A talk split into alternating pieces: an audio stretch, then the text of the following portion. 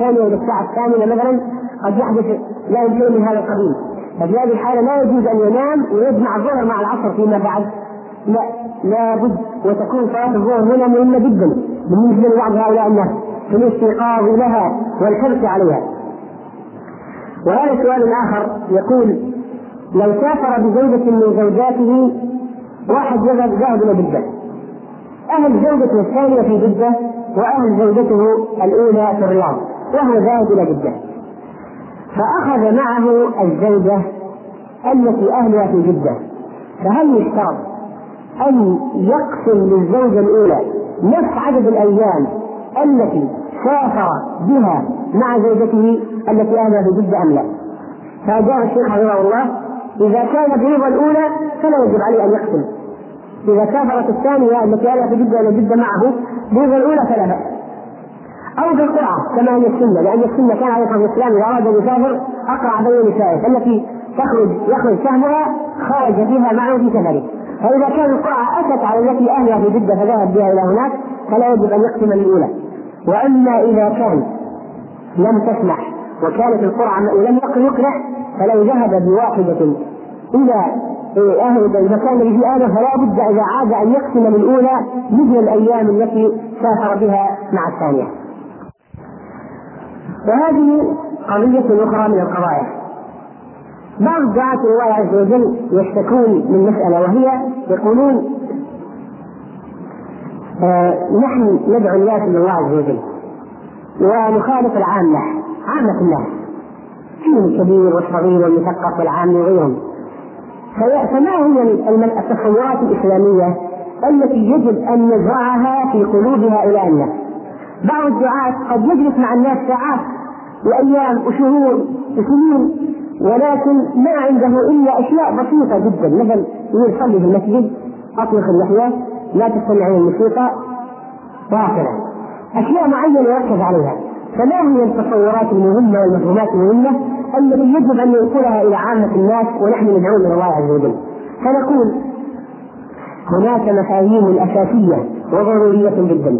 فمن هذه مثلا مفهوم الإيمان وأنه قول وعمل والأدلة على هذا الأمر وسيرة الرسول صلى الله عليه وسلم وصحابته التي اختارت هذا الأمر وشرح الآيات والأحاديث التي تدل على هذا لأن الناس ينبغي أن يبين لهم يا جماعة أن النية طيبة وحدها لا تكفي وهذا المفهوم الذي هو استقر عند العام بعض العامة مفهوم المرجئة للإيمان أن الإيمان هو بالقلب فقط يقولونه دائما يقولون الإيمان بالقلب. وأنت لا تدري عما في قلوبنا وأنت لا شققت عن قلوبنا وكفى لوما لنا وينصحا لنا وأنت لا تدري وضعنا وحالتنا مع وما في قلوبنا ما شققت عن قلوبنا. فينبغي على الإنسان المسلم أن يشرح مفهوم الإيمان للناس يبين لهم الإيمان قول وعمل يبين لهم أن التصديق وحده لا يكفي. ويبين لهم أن هذا كلام المبتدعة النبيين الذين يقولون الإيمان هو التصديق بالقلب فقط. هذا مفهوم جدا. المفهوم الثاني مفهوم العبادة الشامل الناس يظنون أن العبادة هي في المسجد فقط وأن عبارة عن شعائر معينة. فينبغي أن يبين للناس مثلا أن العبادة هي اسم جامع لكل ما يحبه الله ويرضاه من الأقوال والأفعال الظاهرة والباطنة. وكل شيء نويت به وجه الله عز وجل فهو عبادة. فلا بد من توسيع معنى العبادة على شكل صحيح وتقريري وتوضيحي والتدليل عليه من خلال كتاب الله وحديث الرسول صلى الله عليه وسلم للناس. وأن الإنسان لو احتسب أي شيء عند الله عز وجل فإنه يكون عبادة. لأنه ليست منحصره في المساجد أو في أماكن معينة واوقات معينة. وان الحياة كلها عبادة وأن الناس ما خلقوا إلا للعبادة. وما خلقت الجن والإنس إلا ليعبدوا أول أمر أول أمر في القرآن ما هو؟ أول أمر في القرآن ما هو؟ يا أيها الناس اعبدوا ربكم. العباده وأولا في سورة الفاتحة نص طلب. من المؤمنين إياك نعبد. الحمد لله رب العالمين. الرحمن الرحيم. مالك يوم الدين. إياك نعبد. فواضح أول وظيفة للمؤمنين العبادة. وهكذا أشياء كثيرة جدا في القرآن والسنة تدل. وحق حق حق العباد على الله. حق حق الله على العباد أن يوحدوه وأن يعبدوه ولا يشركوا به شيئا. المفهوم الثالث مفهوم الإسلام الشامل. بعض الناس العامة لا يفهمون من الإسلام أن الإسلام هو الأركان الخمسة. الشهادتين والصلاة والزكاة والصيام والحج هذا هو الإسلام. ولذلك إذا قاموا بها يقولون خلاص نحن أتينا بالإسلام. ماذا تريد الله أكثر من ذلك؟ عندما يشرح لهم فقط حديث واحد يزيل النفس ويبين المفهوم الصحيح من الاسلام تنتهي المشكلة، عند الكثيرين على الأقل من جهة اقامه الحجة. مثلا حديث بني الإسلام على خمس. شهادة الله الا فتقول لهم ما ما هو البناء؟ الإسلام. على أي شيء بني على خمسة أركان. لو أن عندك خمسة أعمدة وما عندك بناء تستطيع تعيش هذا المبنى. عندك خمسة أركان ما عندك سقف ولا جدران ولا نوافذ ولا أبواب ولا غرف ولا مرافق تعيش في هذا المكان في خمسة أعمدة فقط لا شيء يهلك لا طبعا. ولذلك هذا الحديث فقط صح هذا الحديث. بني الإسلام على خمس مهم جدا للناس. هذا مفهوم ينبغي أن العامة ولذلك تقول لهم أين طلب العلم والأمر بالمعروف والنهي عن المنكر والدعوة إلى الله؟ أين صلة الرحم وبر الوالدين والإحسان إلى الجار وكفالة اليتيم؟ أين الصدقات المالية غير الزكاة؟ وأين آداب النوم والإستيقاظ والطعام والخلاء وغير ذلك؟ وأين الأخوة في الله؟ وأين الأخلاق الإسلامية كالصبر والإيثار؟ إذا هناك أشياء كثيرة جدا في الإسلام، الإسلام ليس فقط الأركان الخمسة، هذا المهم مهم يصل للناس. ورابعا أن طريق الدنيا والآخرة واحد. وأنه ليس هناك شيء اسمه هذا لله وهذا لشركائنا. وأن مفهوم ما لقيصر دع ما لقيصر لقيصر وما لله لله هو مفهوم جاهلي بمعنى الكلمة. وأن الأرض والسماء حسبة واحدة. وأن طريق الدنيا والآخرة طريق واحد. ولذلك فإن من أخطر أهداف العلمانية قضية فصل الدين عن حياة المسلمين. ولا تزول إلا بإذن هذا الشرح والإيضاح. ولا ينتبه الغافلون من المسلمين إلى ما يراد بهم إلا بهذه إلا بشرح هذا المفهوم. وكذلك لا بد خامسا مثلا من شرح مفهوم العمل الصالح للناس. ما هو مفهوم العمل الصالح؟ أن يتضمن شرطان أن يتضمن شرطين الإخلاص والمتابعة. الإخلاص لله. والمتابعة لرسول الله صلى الله عليه وسلم ما تجوز قدم عبد يوم القيامة حتى يسأل عن كل عمل عمله بسؤالين لما عملته؟ عملت إخلاصا ولا رياء؟ عملته لله ولا طلب الذكر والمحمد عند الناس؟ عملته متجردا لربك ولا عملته طلبا للشهرة؟ هذا هذا الإخلاص في العمل والشرط الثاني في العمل متابعة هل اتبعت فيه سنة الرسول صلى الله عليه وسلم أم أنك ابتدعت فيه؟ هل أنت تبينت الدليل أم أنك حققت دينك الرجال وقلدت التقليد الأعمى؟ وهكذا. هل أنت تقول أنا أفعل هذا العمل لأنه قد ورد أنه عليه الصلاة والسلام فعله كذا في الحديث الصحيح أم لأنك تقول وجدنا آباءنا على أمة وإنا على آثار مهتدون ومهتدون ولذلك هذا مفهوم العمل الصالح من المفاهيم المهمة جدا. سادسا مفهوم آخر التلقي للتنفيذ. كثير من الناس عندهم علم بأشياء كثيرة. بآيات من القرآن وأحاديث من السنة وكلام لأهل العلم ومواعظ وكتب وأشرطة وين التطبيق؟ ما في فمن المفاهيم المهمة جدا اقتضاء العلم العمل مبدأ التلقي للتنفيذ وكيف كان الصحابة يفعلون ذلك وكيف كان أحدهم ينطق بشهادتين الآن ثم ينطلق ليغير واقعه كله بيته وأهله وعشيرته وقومه ويعلن الولاء والبراء صريحا بين الناس ويقوم ويعلن الدعوة بغير الدعوة. كان الناس ينفذون فورا. كل شيء يغير لابد أن يحتاج إلى تغيير لابد أن يغير. فاذا مفهوم التلقي للتنفيذ هذا أيضا من المفاهيم المهمة جدا. سابعا مفهوم جنسيه المسلم عقيدته أنه ليس هناك حدود ولا أشياء تفصل بين المسلمين وأن المسلمين أمة واحدة يسعى أدناهم أعلاهم بأمر أدناهم وأن المسلمين كالجسد الواحد إذا اشتكى منه عضو تداعى له سائر الأعضاء وأنه لا فرق بين المسلم البنغلاديشي والهندي والصيني وبين المسلم المغربي والأسباني والذي أسبانيا والذي في أمريكا وأوروبا أو في جزيرة العرب وأنهم كلهم يد واحدة وأنه لا بد من السعي في نصحهم وتجميع الجهود والتكاتف والتبصير وإرسال الدعاة وكتب العلم إلى جميع أنحاء العالم الإسلامي وأننا لو عرفنا أن بعض المسلمين في مكان من الأرض يحتاجون إلى غوث فلا بد أن نمد لهم يد المساعدة وأن ندعو لإخواننا بظهر الغيب وأن نتصل معهم وإذا لقيناهم بالحج سألناهم عن أخبارهم وأخبار بلدانهم وما هي إمكانياتنا التي نستطيع أن نقدمها لهم فإذا ليس الإسلام إقليميات ضيقة ولا بلدان محددة بل إن كل ذلك من صناع الكفرة في بلاد المسلمين. ليفرقوا بينهم ويفسدوا آه، ويفسدوا فيما فيما بينهم من الأمور ويجعل ويجعل بعضهم في نحور بعض. ولذلك من المؤسف جدا أن يعاني بعض المسلمين في مكان من الأرض من همجية الكفار ومن اعتداء الكفار عليهم وهم تحت نير العذاب. وبعض إخوان المسلمين يأكلون الرز واللحم ولا يدرون ماذا يحدث لاخوانهم أصلا. لا يدرون. وإذا جاءوا ليس فيهم شيء يتحرك.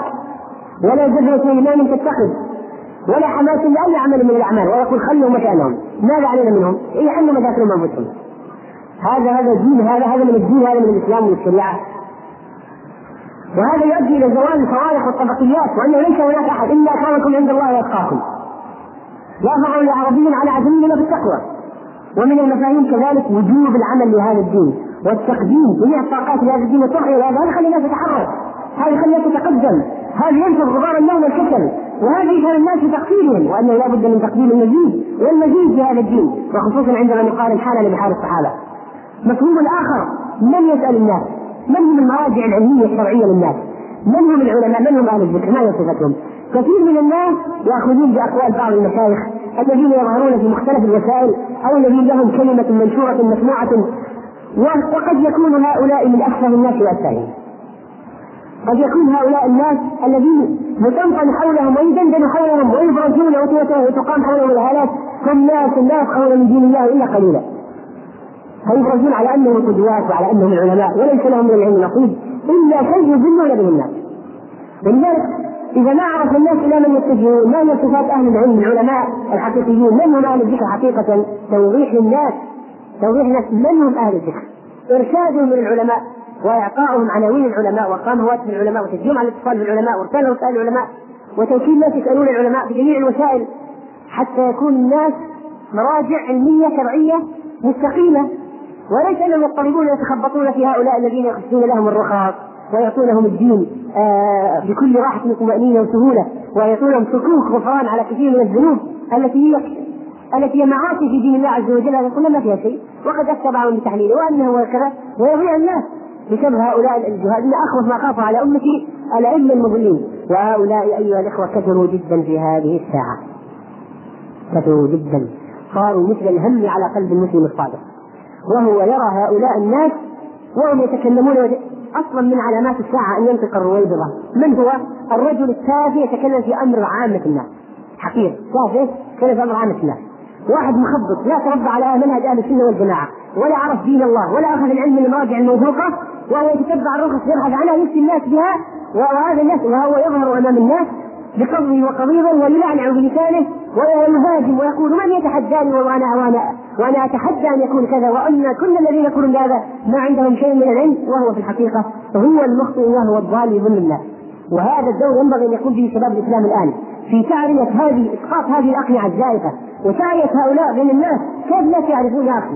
الناس العامة كيف يعرف ان فلان عالم ولا ليس عالم إذا انت لم تخبره بذلك؟ وإذا لم تبصره بالأشخاص الحقيقيين. دعونا من قضية السلب والشتم والسب. لكن قضية إرشاد الناس إلى الأشخاص الذين هم أهل للسؤال حقيقة. هذه مهمتي ومهمتكم ومهمتي هو. هذا من سلب الدين. إرشاد الناس ودلالتهم وإذا رأيته يأخذ بالفتاوى بعض الساقطين تحذر يا أخي. تقول له من الذي يقرأ وراء هذا الشخص. إلا العلمانيون العلمانيون وإلا أهل البدع وأهل أهل الذين يريدون يريدون بعض الناس عن دينهم. هم الذين يروجون هذه الأشياء هذه وظيفتنا. هذا من الواجب الملقى على عواتقنا. والحمد لله هناك علماء مخلصون يمكن أن يعرفهم الناس ويتجهون إليهم. موجودون في الواقع ولله الحمد والمنة. ولن لا الزمان ابدا من قائم لله بحجة. لابد كل زمان لابد كل وقت يكون في واحد يعلم على الأقل الحق في أي مسألة من المسائل. أقصد كل مسألة لابد أن يكون فيه واحد على الأقل من أمة محمد يعلم الحق فيها. صلى الله عليه وسلم. لا يمكن أن تجتمع الأمة على ضلاله وأن يوجد وقت من الأوقات في مسألة من المسائل ما في أحد من أمة محمد صلى الله عليه وسلم يعرف حكمها، ما في، لا يمكن، هذا من قواعد الشريعة. ولذلك أيها الأخوة بهذه المناسبة. فإنني أحذركم من كثير من الشخصيات التي لم تتربى على منهج أهل السنة والجماعة والتي عندها انحرافات كثيرة وهي تتغلغل وتنتشر نفوذها بين الناس وخصوصا العامة الذين ما عندهم وعي ولا عندهم علم. كيف؟ أنه يطرح رأيه بقوة. ويستسلم الآراء الأخرى. ويقول مثلا مثلا حسب المثال. كذا الحق في هذه المسألة وكل الأقوال الأخرى بدعة. وأنا مستعد أن أناظر وأن أناقش وأن أفهم وأن أتحدى من يقول بخلاف قولي. فيظن الناس المساكين أنه مسك ويظنون أنه لما صار جريء وصار قوي في الطرح أن عنده الحق. لأنه ما عنده الحق. وهناك كثير من الشخصيات التي بدأت تتسلم الآن حتى مع الأسف إلى بعض مواقع الشباب. وهم ينادون بعقيدة عقلية ويصرحون بتقديم العقل على النقل ويصرحون بعدم الأخذ بأحاديث الآحاد ويصرحون برد الحديث الصحيح إذا إذا خالف عقولهم السقيمة ويصرحون بأحكام تخالف ما أجمعت عليه الأمة وفقهاء المسلمين الثقات. ويصرحون بإنكار القدر ومراتب بعض مراتب القدر. فإذا لابد أن أن يكون هناك من المسلمين من ممن يعي هذه الأمور يدرك حقائق وأبعاد القضايا. هذه فتن فتن. ينبغي أن يكون فيها مخرج للمسلم ينبغي أن يكون رعاية واقعة تكون على مستوى على مستوى المسؤولية في هذه الأمور. بالإضافة إلى هذه المفاهيم في هناك رسالة صغيرة للشيخ عبد العزيز حفظه الله بعنوان الدروس المهمة لعامة الأمة. أذكر لكم مختصرها. يقول الشيخ عبد العزيز يعني في الأشياء التي تعلم الناس من أمور الشرع. الدرس الأول في سورة الفاتحة وما أمكن من قصار السور من سورة الزلزلة إلى الناس تلقينا وتصحيحا وتحفيظا وشرحا لما يجب فهمه. الدرس الثاني معنى شهادة لا إله إلا الله وأن محمدا رسول الله وشروط شهادة لا إله إلا الله ومحمد رسول الله. الدرس الثالث أركان الإيمان الستة. أن تؤمن بالله وملائكته وكتبه ورسله واليوم الآخر وبالقدر خيره وشره. الدرس الرابع أقسام التوحيد الثلاثة. توحيد الألوهية توحيد الله بأفعاله. توحيد الربوبية توحيد الربوبية توحيد الله بأفعاله. توحيد الألوهية توحيد الله بأفعال العباد. توحيد الأسماء والصفات. وأقسام الشرك الثلاثة الشرك الأكبر والشرك الأصغر والشرك الخفي والشرك الخفي قد يكون هو موزعا بينهما بمعنى أنه يكون نفاقا خفيا فيكون شركا أكبر وقد يكون رياء خفيا فيكون شركا أصغر. الدرس الخامس أركان الإسلام الخمسة تعليم الناس أركان الإسلام الخمسة وأحكام الصلاة والزكاة والصيام والحج. الدرس السادس شروط الصلاة تسعة يعني في الإسلام العقل التمييز رفع الحدث إزالة النجاسه ستر العوره دخول الوقت استقبال القبله وغيره النية الدرس السابع أركان الصلاة الأربعة عشر. الثامن واجبات الصلاة الثمانية. التاسع التشهد العاشر سنن الصلاة. الحادي عشر مبطلات الصلاة. الثاني عشر شروط الوضوء. الثالث عشر فروض الوضوء. الرابع عشر نواقض الوضوء. الخامس عشر الأخلاق المشروعة لكل مسلم. السادس عشر الآداب الإسلامية. السابع عشر التحذير من الشرك وأنواع المعاصي. مثل الكبائر والزنا والسرقة والخمر واللواط وفعل الفاحشة والسحر والكهانة والدجل والقتل. إلى آخره. الثامن عشر تجهيز الميت والصلاة عليه، يقترح الشيخ ثمان عشر درسا مهمة لعامه الأمة مع تلك المفاهيم التي قدمناها يكون هذا المناسب أن يطرح العامة وأن يدرس لهم وأن يقرر لهم من الدعاة إلى الله عز وجل. هذا سؤال يقول هل هناك فرق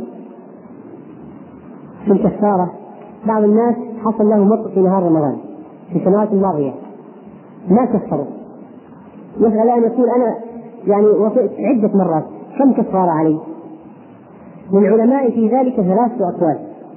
منهم من قال كل الكفارات الماضية لو في عدة أشهر من رمضان كلها الوقت لو تعدد في عدة أشهر كلها عليه كفارة واحدة. ومنهم من يقول أبدا كل وقت بكفارة ولو صار وطأ في يوم وفي اليوم الثاني من نفس رمضان هذا فإن عليه كفارة. ومن العلماء من يقول وهو القول الوسط والأرجح إن شاء الله أنها إذا كانت في رمضان واحد فعليه كفارة واحدة. افرض الواحد وطئ خمس مرات في عام 1405 رمضان 1405 عليه كفارة واحدة. ووضع ثلاث مرات في في رمضان 1406 عليه كفارة واحدة. عن رمضان ذا كفارة وعن رمضان الذي بعده كفارة. فالمهم يعني أن تتداخل الكفارة الكفارات في الشهر الواحد. وتتعدد بتعدد أشهر رمضان. هذا هو القول الوسط إن شاء الله في هذه المسألة. وهذا سؤال أيضا يقول شركة اشترطت على بنك لتضع أموالها فيه أن يسلف موظفيها دون فوائد مبالغ معينة لأجال معينة قالوا نضع عندك أي بنك فلوسنا ما نبغى فوائد ما نبغى فوائد لكن نشترط عليك إذا حطينا فلوسنا عندك إنك تسلف موظفينا قروض بدون فائدة فهل هذا جائز؟ فيقول الشيخ عبد العزيز حفظه الله لا يجوز وهذا الشرط باطل وكونهم قالوا لهم ما نضع فلوسنا عندك إلا إذا سلفت معناها إنه هذا فرض إيش؟ ها؟ جرة نفعا وهو تسليف موظفي الشركة ولذلك هذه الوديعة على المال التي جرت نفعا إذا هذا القول يجي من جر نفعا لموظفي الشركة هو لا يجوز آه ولا يجوز للشخص أن يستلف لأنه يعاونهم على ذلك كما يذكر الشيخ حفظه الله تعالى. وهذا سؤال يقول رجل كان يعمل في بنك ثم ترك البنك بعد تسع سنين من الخدمة لما علم أنه حرام ترك مباشرة لما ترك قالوا له عندنا مكافأة هذه الخدمة نعطيها لك شهادة الخبرة فهل يجوز أن يأخذ هذه المكافأة وهذه الشهادة أم لا؟ فيقول الشيخ عبد العزيز في هذه المسألة إذا كانت هذه المكافأة عن المدة التي لم يكن يعلم فيها بأن العمل حرام فأخذ المكافأة جائز. أما إذا كانت المدة المكافأة عن مدة يعلم بأن العمل فيها بدون حرام فلا يجوز أخذ المكافأة في هذه الخدمة. وأما بالنسبة لشهادة الخبرة فكنت قد سألته كما حصل من بعض الإخوان سؤال عن أخذ شهادة الخبرة الاستعانة بها في آه عمل آخر حلال فقال الشيخ نعم هو عنده خبرة لا شك فيهم في أمور محرمة لكن عنده خبرة فيها فليس بكذب ولا بأس عند ذلك أن يستخدم هذه الشهادة لأن الحقيقة ان عنده خبره. وهذا سؤال آخر أيضا سألته عنه ورد في تفسير ابن كثير في قوله تعالى فإذا دخلتم بيوتا فسلموا على أنفسكم تحية من عند الله مباركه طيبة ورد أثر عن قتاده إذا دخلت بيتا ليس فيه أحد فقل السلام علينا وعلى عباد الله الصالحين إلى آخره. فهل هذا سنة هل هذا صحيح؟ يعني هل هذا آه الكلام وجيه لأنك إذا دخلت بيتا فارغا تسلم وتقصد مثلا الملائكة الذين في البيت أو أو, أو من يكون من من خلق الله الذي لا تعلم عنهم تسلم في البيت الفارغ. فقال الشيخ حفظه الله ما له أصل. وهذا كلام قتادة رحمه الله تعالى لا يعتمد عليه. والمقصود بالآية فسلموا على أنفسكم. إذا دخلتم بيوتا فسلموا على أنفسكم. أي سلم يسلم بعضكم على بعض. كما قال الله عز وجل لا تقتلوا أنفسكم. يعني لا يقتل بعضكم بعضا يقتل بعضكم بعضا. ولا تلمزوا أنفسكم. أيضا في القرآن ولا تنابزوا بالألقاب تلمزوا أنفسكم؟ يعني لا يلمز بعضكم بعضا. وهكذا لأن المسلمين شيء واحد فيجب الحكم عليهم جميعا ولذلك لا يكون من السنة السلام إذا دخل الإنسان بيتا فارغا. وهذا سؤال آخر يقول عندنا في المسجد رفوف خلفية خلف الصفوف توضع فيها المصاحف. فإذا امتلأ المسجد بصلاة الجمعة وغيرها يكون المصلي مستدبرا في المصاحف التي في الخلف في الرفوف الخلفية. فقال الشيخ عبد العزيز حفظه الله ما في مانع إن شاء الله وليس هذا بمقصود ما في شيء ما هو متخصص ان يستكبر وهذا شيء عارض لحاجة المصلين. لو كانت المصاحف مرفوعة يكون أطيب لكن إذا صار في حاجة لهذا فلا حرج إن شاء الله.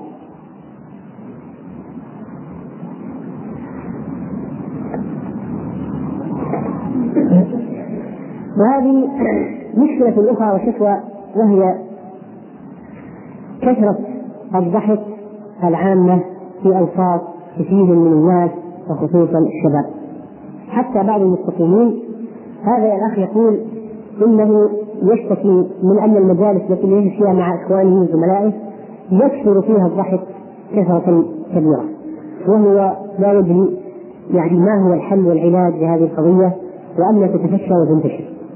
فنقول كما ذكرنا سابقا فإن كل مشكلة لها جانبان من العلاج جانب علمي وجانب عملي.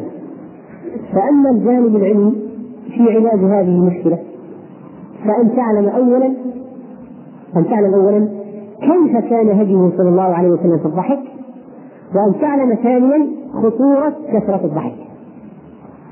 فأما بالنسبة للجانب الأول فقد ورد في الحديث الصحيح أنه صلى الله عليه وسلم كان لا يضحك إلا تبسما والأمر الثاني كان صلى الله حديث آخر كان صلى الله عليه وسلم طويل الصمت قليل الضحك وكان يقول الصحابي ما رأيته مستجمعا ضاحكا قط ولا رأيته ضحك حتى بدت لهواته وإنما كان عليه الصلاة والسلام عامة ضحكه التبسم وإذا ضحك بدت نواجذه والنواجذ هذه في مقدمة الأسنان والأمر القسم الثاني وهو خطورة كثرة الضحك.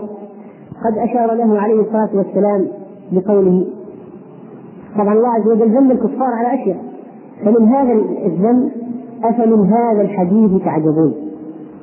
وتضحكون ولا تبكون وأنتم سامدون وعلاهون غافلون.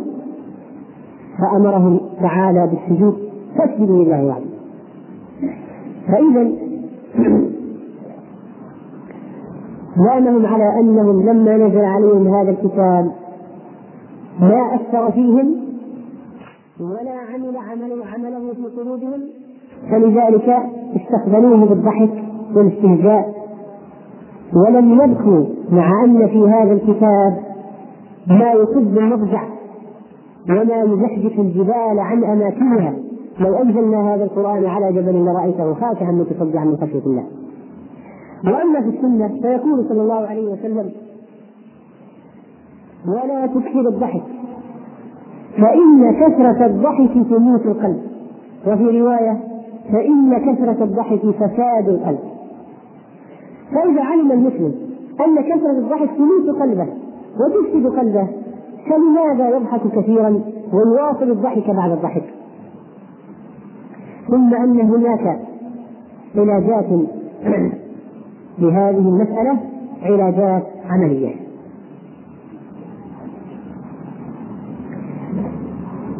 أولا عندما يعلم الإنسان يقرأ يقرأ يقرأ ويطلع في أمور اليوم الآخر سيجد أن تذكر يوم المعاد والموت والقبر والحساب والصراط والنار ومواقف الآخرة الشديدة على الإنسان سيجد أنها فعلا تدعو للجدية وللخشوع ولعدم الإكثار من الضحك.